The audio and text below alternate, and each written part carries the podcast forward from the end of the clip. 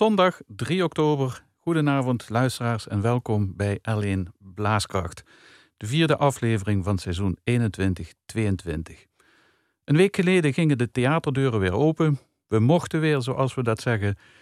De muziek stroomt er onze oren in. De muzici houden zich weer bezig met waar ze erg goed in zijn. Kortom, we komen weer tot leven. En in dit eerste uur van L1 Blaaskracht begroeten we zoals altijd een muzikus die belangrijk werk doet op dit gebied. Binnen, buiten de grenzen van de provincie, op het podium of achter de coulissen. En in alle uithoeken van de wereld kom je ze tegen, die Limburgers. In symfonie- en blaasorkesten, in operagebouwen, bij koren, kamerensembles, voor de klas en in bestuursfuncties.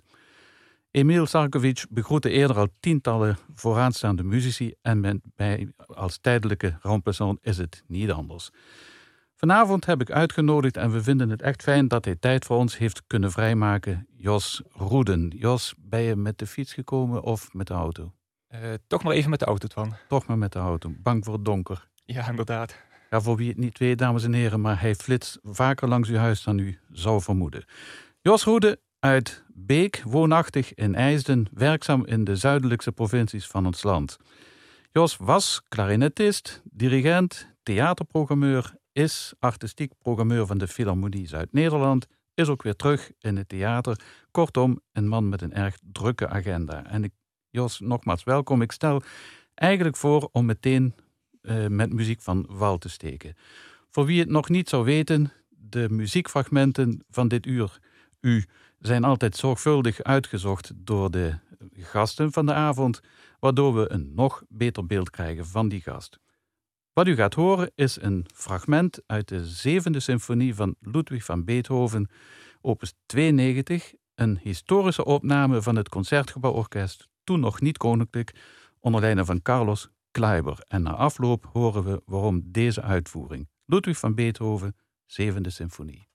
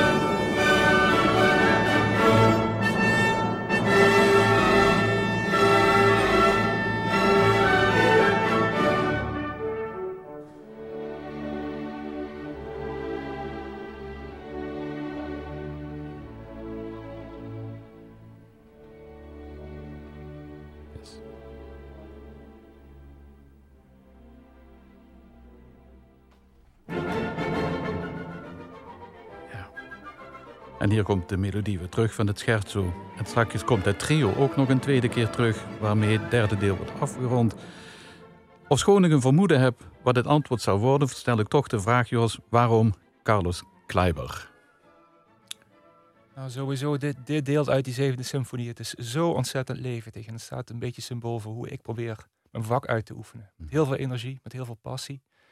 En wat ik zo mooi vind aan deze opname onder leiding van, de, van, van Carlos Kleiber. Het is echt een, een, een, een tijdsmonument. Een, een orkest wat in deze opname zo ontzettend goed in elkaar grijpt. Allemaal die individuen die klinken als één. En dan onder leiding van, van, een, van een maestro die mhm. eigenlijk maar een paar stukken op zijn repertoire had, maar dat zo ontzettend goed beheerste. En Hoe zo een paar stukken? Ja, uit toch wel een bepaalde podiumangst. Een vrees oh. om voor publiek op te treden. Ehm, zich heel erg onzeker voelde. En het is zo anders dan de dirigenten eigenlijk van, van, van deze tijd. Zo, dat, dat wist ik niet. Ik weet wel dat Kleiber, eventjes voor u nog thuis, was een Oostenrijker en een Argentijnse uh, dirigent. Twee nationaliteiten had hij. Uh, wat ik wel weet van hem, dat heb ik eens ooit gelezen, dat het een lastig figuur moet zijn geweest op het podium. Dus niet makkelijk in de omgang.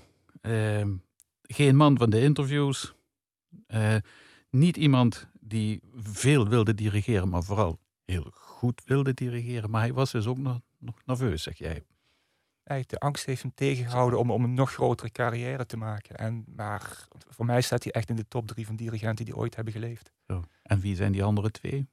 Goh, uh, zometeen komt Claudio Albade komt nog langs. En ik vind ook, ook uh, Bernstein. Het zijn alle drie mensen die met zoveel passie en overgave, met ook heel veel menselijkheid, de, de muziek tot klinken hebben gebracht. Dat mhm. spreekt me enorm aan. Ja. Wat jou ook zal aanspreken als man uit dat veld natuurlijk is Beethoven. Ja, heb je altijd de neiging om te zeggen, Beethoven was toch een van de, van de grotere en belangrijkste componisten uit de geschiedenis. Heeft de zevende symfonie iets wat die andere symfonieën niet hebben? Of dat je met dit fragment hebt, uh, bent gekomen? sowieso, het springt er echt uit in levendigheid. Um, verder waarom ik juist voor dit moment heb gekozen, is tot ehm, in mijn tijd bij, bij Theater Heerlen, bij Parks Limburg Theaters. Het was 2008 en we begonnen eigenlijk net na de verbouwing om het theater weer opnieuw op te bouwen. Hm. Het is daar in acht jaar tijd gelukt om het publiek voor klassieke muziek te verdrievoudigen. En de uitvoering van de zevende symfonie door het Rotterdams Philharmonisch Orkest met hun toenmalige chef-dirigent Yannick Nezet-Seguer, dat was echt zo'n sleutelmoment. Zo. Dat is een, eh, een kantelpunt geweest, waardoor in één keer alles ging rollen en alles in, de, in een stroomversnelling kwam. Het was toen uh, ook de Limburger die schreef van, uh, dit is een concert waarover je, je na jaren nog gaat, gaat zeggen, was je er toen bij? Mm -hmm. En zo was het ook. Een gastorkest van, van grote statuur, wat toch met een bepaalde schroom naar, naar Heerlen afreisde. Wat moesten ze daar precies verwachten? Uh, het publiek wist niet precies wat ze konden verwachten van, van, van, van zo'n groot internationaal orkest. En daar gebeurde zoiets magisch op, op die avond. En na afloop was gewoon iedereen vol overtuigd. Eh, de orkestdirecteur van, eh, van Rotterdam, Hans Wagen, die kwam naar me toe. En zei van, we komen ieder jaar spelen. Ja. En het draait om vertrouwen in ons vak. Vertrouwen met muzici, vertrouwen in het publiek. En dit fragment heb ik dus daarom uitgekozen. Om dat heel even te duiden hoe belangrijk dat kan zijn. Hoe op het ene naar het andere moment gewoon alles in een, ja, in een versnelling kan komen. En, ja. en juist de kant op kan gaan. En dat was met het Rotterdams. Met het Rotterdams, ja. Terwijl het KCO ook, die we net hoorden, eh, toch al met grote regelmaat naar Heerde komt. Hè? Ja, maar dit overtuigde hun. Hun collega's uit Rotterdam eh, zeiden van het is daar heel erg goed toe. Er zit een fantastisch fijn publiek. Je wordt daar goed ontvangen door, door de zaal. Ga daarheen. En toen sloot inderdaad het uh, Concertgebouworkest aan. En de rest is allemaal geschiedenis. De rest is geschiedenis. Ja, maar goed, jullie hebben natuurlijk als Philharmonie Zuid-Nederland ook een vooraanstaande rol in het theater. Niet alleen in Heerlen, maar ook in andere van Zuid-Nederland. Daar komen we uiteraard heel uitgebreid over te spreken. Maar eh, ja, goed, feit is dat in Heerlen en Kerkrade een, een, mooie traditie is opgebouwd, ook met gastorkesten. En eh, wat mij ook opvalt sinds die renovering is dat inderdaad de dirigenten, maar ook de spelers, graag naar het zuiden komen. Um, eentje zijn ze ooit bezakken af naar het zuiden. Toen heb ik gezegd, je, zie je verkeerd, je gaat omhoog als je naar het zuiden gaat. Maar fijn ja mooi. Eh, de, wat heb jij met Beethoven zelf nog heel kort? Vind je het, vind je het nog altijd een uitdagende componist? Ja, het, het, is, het is dit is, iedere noot klopt. En iedere noot moet ook in de uitvoering op zijn plek vallen. Anders werkt het niet. Dus de, de, de slagingskans is doordat het in, uh, in zijn eenvoud, wat hij heeft geschreven, zo effectief is. Dat het ook allemaal precies moet worden uitgevoerd door de muzici. Je valt meteen door de mand op het moment dat het niet is. Ja. En om even te refereren aan die opname van Zijs, maar van het Concertgebouworkest. Voor mij klopt er echt alles aan. Dit moet zijn de energie zoals Beethoven het ooit heeft bedoeld. En ja, klassieke muziek heeft in het algemeen echt iets, iets magisch, vind ik. Mhm. Ehm, we hebben een ontzettend mooi vak om, om eigenlijk datgene te herscheppen wat eeuwen geleden is, uh, is ontstaan. En wat, als je dat goed weer tot klinken brengt, nog niet zijn zeggingskracht heeft verloren. Ja. Het overstijgt culturen, generaties. Ehm, je hebt geen woorden nodig om elkaar te voelen en te begrijpen. En dat over de hele wereld. Dat is het mooie van klassieke muziek in het algemeen. En zeker ook bij Beethoven. Laat ik dat nou eens helemaal met jou eens zijn. dus, ja, goed. Er zitten gewoon twee freaks aan de, aan de, aan de microfoon. En, en het klinkt een beetje als een preek voor eigen parochie. Maar je hebt helemaal gelijk. Brengt mij meteen bij het volgende fragment. En dat is het orkest waar jij zelf werkzaam bent. Eh, de Philharmonie Zuid-Nederland. Uh, en die gaan we dadelijk horen in een, ja, ik vind best wel een bijzondere opname van de inmiddels ex-chef-dirigent Dimitri Lies. Uh, wij gaan namelijk luisteren naar een fragment uit de prelude en dan meer specifiek de Liebestod uit Tristan und Isolde, Wagner.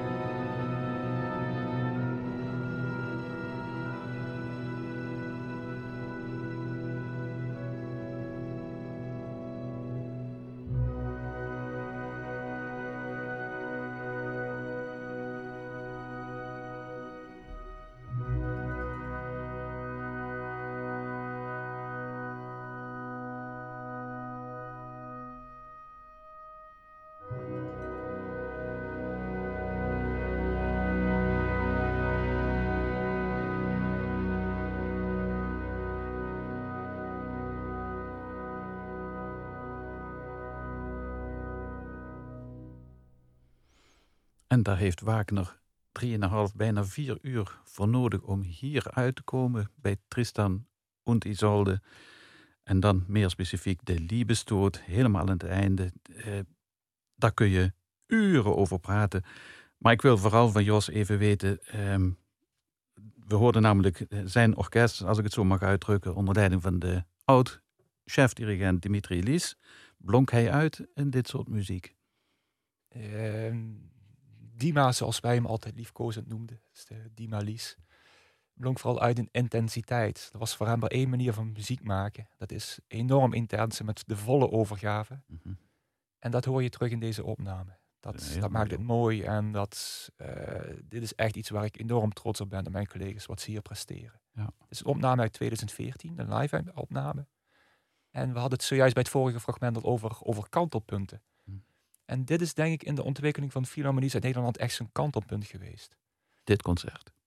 Dit concert, deze opname. Toen we dit terug hoorden, toen was er echt iets van, zijn wij dat? Ja, ja. Wauw, wat klinkt dat goed? Is dat ons orkest?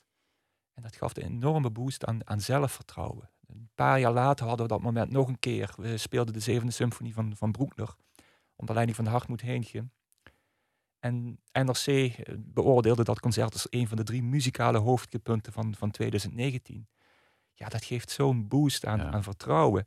En dat helpt enorm. Eh, Philharmonie in Nederland is natuurlijk uit, ontstaan uit een fusie. Hm. Ik ben na de fusie bij het orkest gekomen, omdat ik heilig in dit, dit project geloofde. En wat ik heb geprobeerd zelf bij te dragen is door het, door het kiezen van juist repertoire, dirigenten en solisten, successen op het podium te kunnen bereiken. Vanuit de overtuiging dat dat zorgt tot, dat op het podium tot er een eenheid ontstaat. En dat niemand meer terugkijkt naar wat we in het verleden hebben gedaan, maar vooral in kansen gaan denken naar de toekomst toe. Daarin en, en, en, en dat, dat, dat bereiken is, is, is deze opname van, uh, van die prachtige muziek van Wagner is echt heel bepalend geweest. Ja, ik, ik heb nog zo'n hoogtepunt voor je. Dat is gewoon puur in mijn herinnering. En daar denk ik niet dat een opname van is. Maar ik heb jou, of de filharmonie op een gegeven moment gehoord in, uh, in Heerde. Was dat in de, met de Scheherazade. Onder leiding van Lies. Een stuk van Rimsky-Korsakov. Mag je eerlijk zeggen, toen heb ik een hele avond lang kippenvel gehad, huizenhoog. Uh, ik wist niet eens dat ik zoveel kippenvel op mijn lijf had. Maar dat was echt geweldig. En met Wagner, ja goed, uh, ik vind het ook zo jammer dat die man geen symfonieën heeft geschreven. Nou, dit is haast al een ja, symfonie. En ook uit, uit natuurlijk dat hele grote opera-repertoire zijn een aantal prachtige orkestsuites uh, gecomponeerd. Dat is, dat is fantastisch, zoveel diepgang. Ja. Uh, ook het zijn opera's eigenlijk ook voor het orkest. Eigenlijk wel, ja. ja. ja, En als je die, hè, dus die operas hebben natuurlijk allemaal een, een, een immense lengte van, van drie, vier uh, uur of, of nog langer. In die orkestdelen zit wel de, de, de essentie, zit, zit wel gevangen. Ja. Het is prachtig om dat ook op het orkestpodium met, uh, met uh, orkestraal uit te voeren. Ja. Ja, en vooral met Tristan und Isolde daar heb ik ook nog hele speciale herinneringen aan. Vooral natuurlijk in het kader van het befaamde Tristan-akkoord, waar, je, waar, waar bibliotheken over geschreven zijn. Ja, we hebben het hier ook over een kantelpunt in de muziekgeschiedenis. Ja, nogal. Ja. Ja, ja. De, men zegt altijd, en dat is het hele verhaal in één zin samengevat. Ze zeggen wel eens, het, het kantelpunt is Beta Tristan akkoord. Dat daarmee eigenlijk de moderne muziek is begonnen. De modernere stromingen. Heel verhaal, gaan we het nu niet over hebben. Maar ik wilde wel nog even vragen, eh, Jos. Uh, ja, je begint met zo'n nieuwe zo'n nieuw orkest. Er komt een chefdirigent. Jullie hebben de keuze toen laten vallen op Dimitri Lies. Ehm, als je nu, nu hij weg is, hè, uh, en straks komt natuurlijk de nieuwe aan bod, dat is vanzelf. Maar als je nu terugkijkt, ehm, wat is zijn belangrijkste bijdrage geweest voor het orkest? Eh, anders gezegd, wat is zijn erfenis voor de Philharmonie?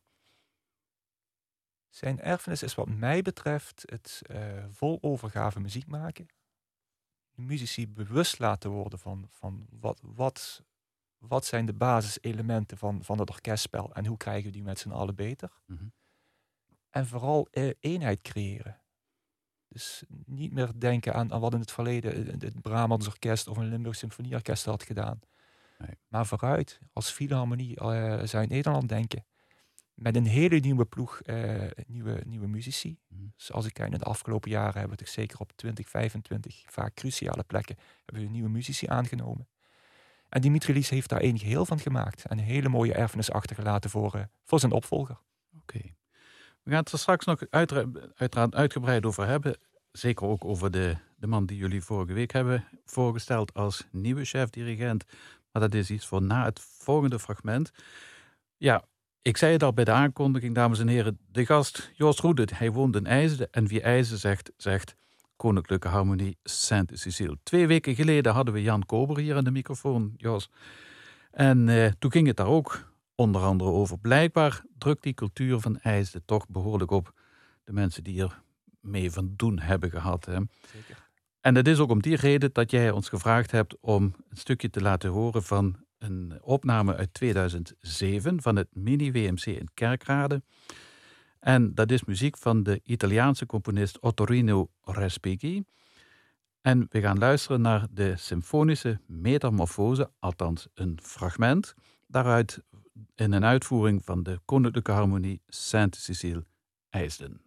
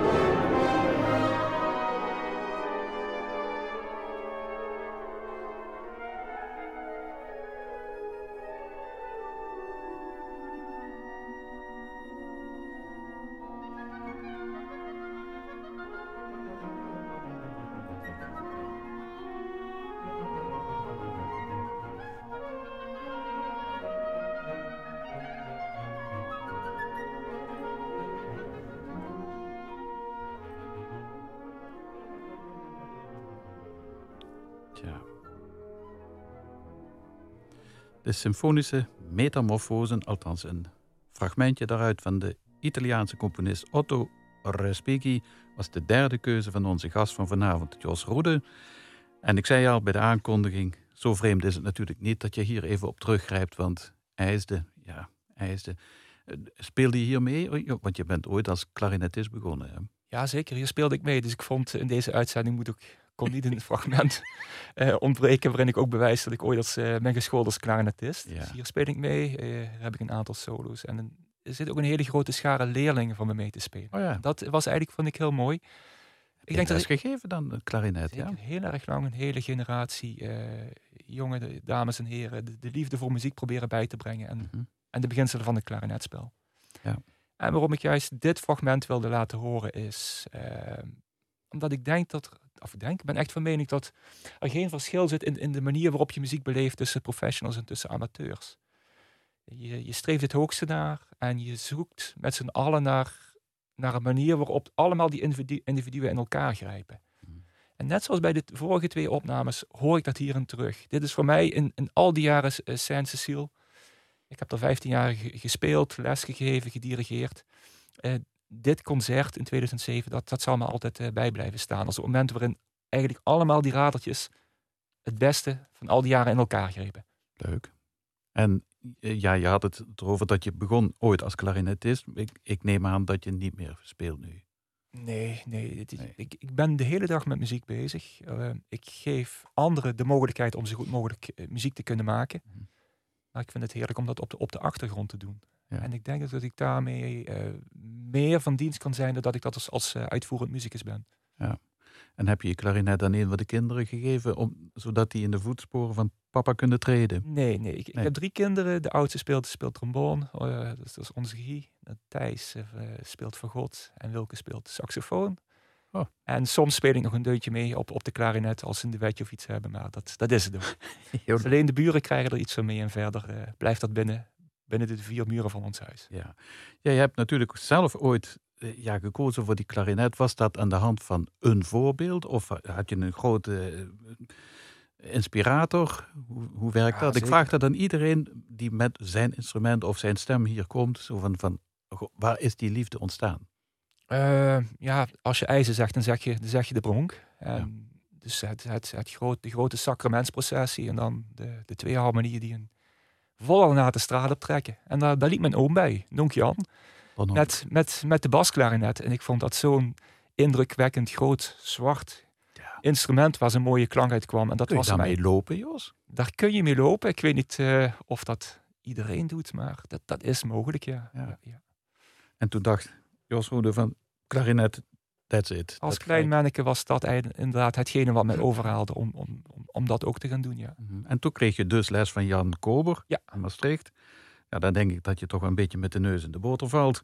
En later een naam nog eh, in jouw opleiding, circuit, die ook de harten wat sneller doet kloppen. Hè? Chef Douwes in ja. Rotterdam. Wat heeft, hij wat heeft hij je nog opgeleverd? Chef was gewoon een geweldige klarinetist ook. hè. Chef is jarenlang eh, bij solo-klarinetist van het Rotterdam Philharmonisch Orkest geweest. En ik heb eerst vier jaar in Maastricht gestudeerd bij, bij Jan Kober. En ik ging daarna verder naar Chef Douwes. Wat hij me vooral heeft bijgebracht is eh, hoe je altijd zelf voor, voor datgene moet staan wat, wat, je, wat je brengt. Mhm. Op je instrument of, of wat, wat anders wat je ook doet. Zorg dat je zelf goed bent voorbereid. Dat je zelf staat voor een kwaliteit. En in welke omstandigheid dat die kwaliteit ook tot, tot klinken of tot uitdrukking kan komen. Mhm. Verder heb ik heel veel inspiratie gehad aan, aan Karel Leister, uh, solo clarinetist bij de Berliner Philharmoniker. Echt, echt een levende le legende. Daar heb ik privélessen gevolgd. En ja, die man heeft me echt ge geïnspireerd in, in klank, in speelwijze. En dat is, uh, dat is ook nog een ander voorbeeld. En als je dit nu allemaal zo opsomt, hè, uh, die drie grootheden waar je les hebt gehad, moet ik toch de vraag stellen, mis je het niet een klein beetje? Nee, omdat alles wat ik heb geleerd de hele dag uh, is wat, wat ik toepas. Mhm. Mm -hmm. Alleen niet alles uitvoerend klarinet is. Maar het luisteren, het kunnen beoordelen. Um, de daar heb ik iedere dag heb ik ah, profijt bij datgene wat ik uh, op de klarinet heb geleerd. Oké. Okay. Leuk, goed om te horen, dankjewel. We gaan uh, naar een heel recente opname luisteren, namelijk van 24 september jongsleden, zeg maar een week en twee dagen geleden. Toen speelde uh, de Philharmonie Zuid-Nederland in Maastricht. Uh, en tijdens het inauguratieconcert van de nieuwe dirigent, waarover we het na afloop uiteraard gaan hebben. En je hebt gekozen voor een fragmentje van Jozef Haydn uit Die Schöpfung. Het onderdeel heet Chaos. Het klinkt niet chaotisch, maar het is wel waar we nu naar gaan luisteren. Het inauguratieconcert van Duncan Ward, 24 september. Jozef Haydn, Schöpfung en dan het onderdeel Chaos.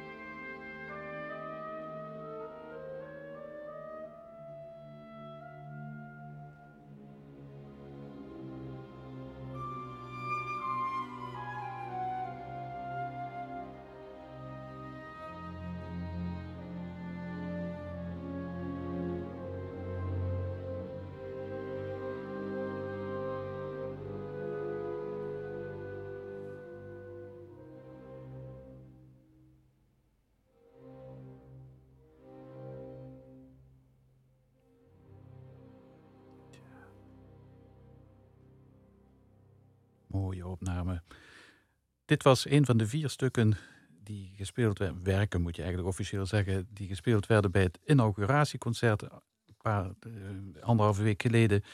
Uh, bij de installatie van Duncan Ward als nieuwe chef-dirigent. Uh, u hebt er ongetwijfeld over gelezen of u was er misschien zelfs live bij of per stream. Het kon allemaal. En dit was het onderdeel Chaos uit die Schöpfung van Jozef Haydn.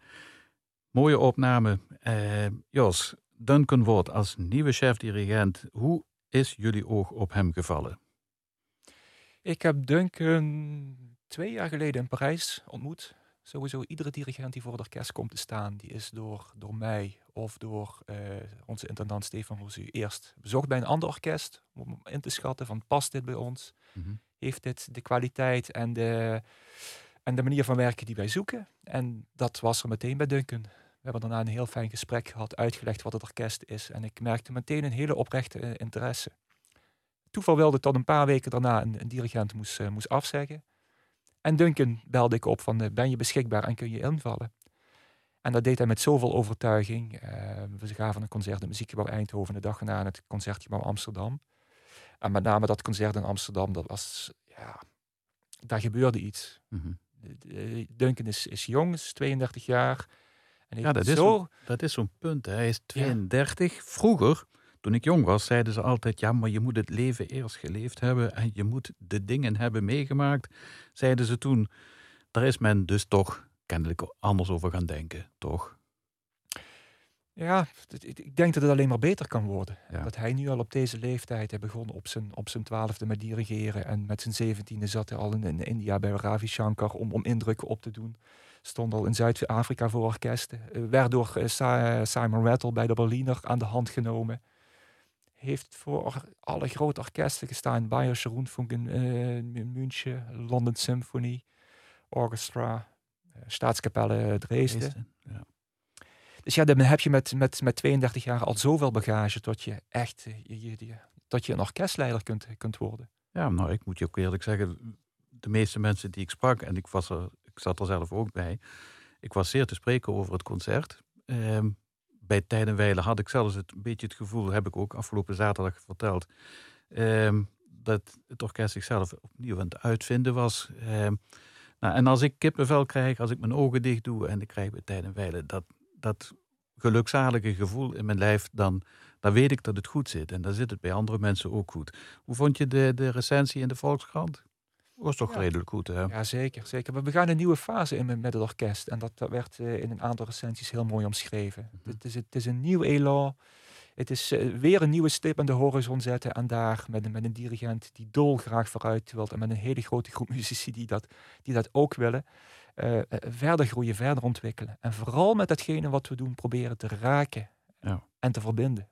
En jullie intendant Stefan Rosu, die legde uit vrijdag aan het publiek, eh, dat de functie van een dirigent tegenwoordig wat breder gezien moet worden. Hè?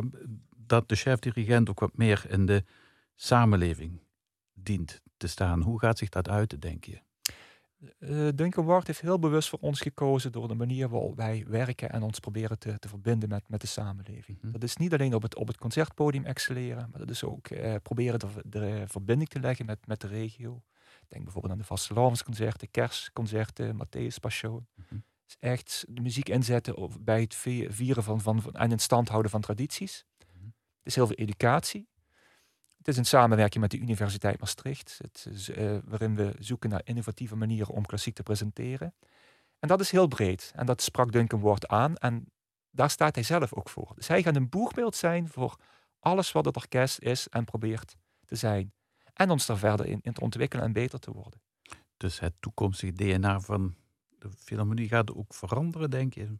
Nee, denk ik niet. Ik denk dat... Uh, Zat het er al in? Dat zit er al in. Uh, maar waar Dimitri Lies als opdracht had me vooral te focussen op het beter krijgen van het uh, orkest op het concertpodium, zal Duncan echt een ambassadeur worden voor Philharmonie uit Nederland in de breedste zin van het woord. Mm -hmm. Heb jij ook met, met hem uitgebreid aan tafel gezeten om alle muziek, toekomstplannen al alles uit te spreiden? Ja, dit is, uh, dit is een hotline tussen ons tweeën. Ik denk dat wij een keer of drie, vier per week spreken. Ja. Uh, continu ideeën uitwisselen, elkaar op de hoogte houden van, van, van hoe het gaat met het orkest.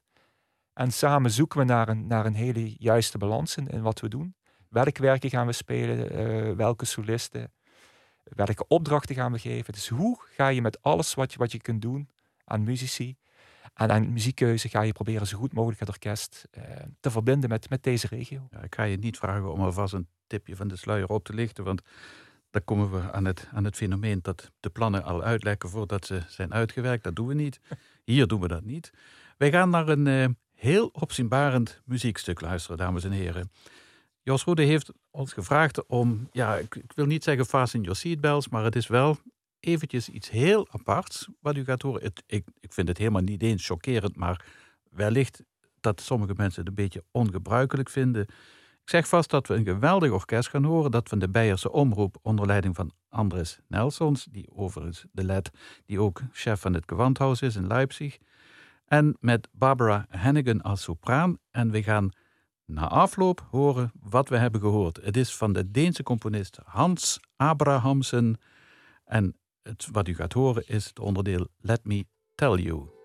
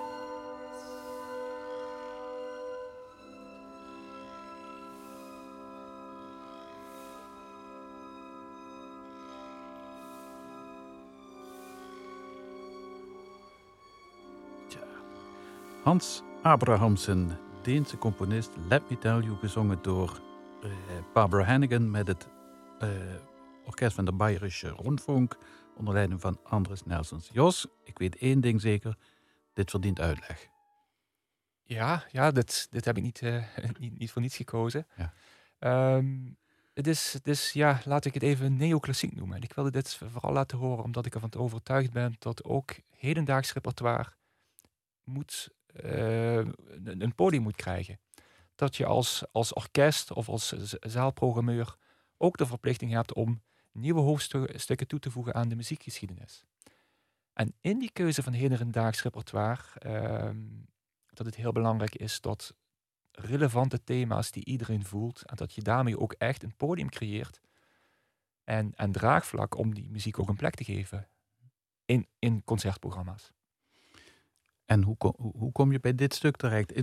Als ik eventjes eh, mag zeggen wat ik, wat ik hoor. Heel kort, uh, het is voor mij helemaal tijdloos wat ik hoor. Ik weet ook niet eens of het beyond atonaliteit is. Uh, het is ook duidelijk muziek die gaat over de maatstrepen heen.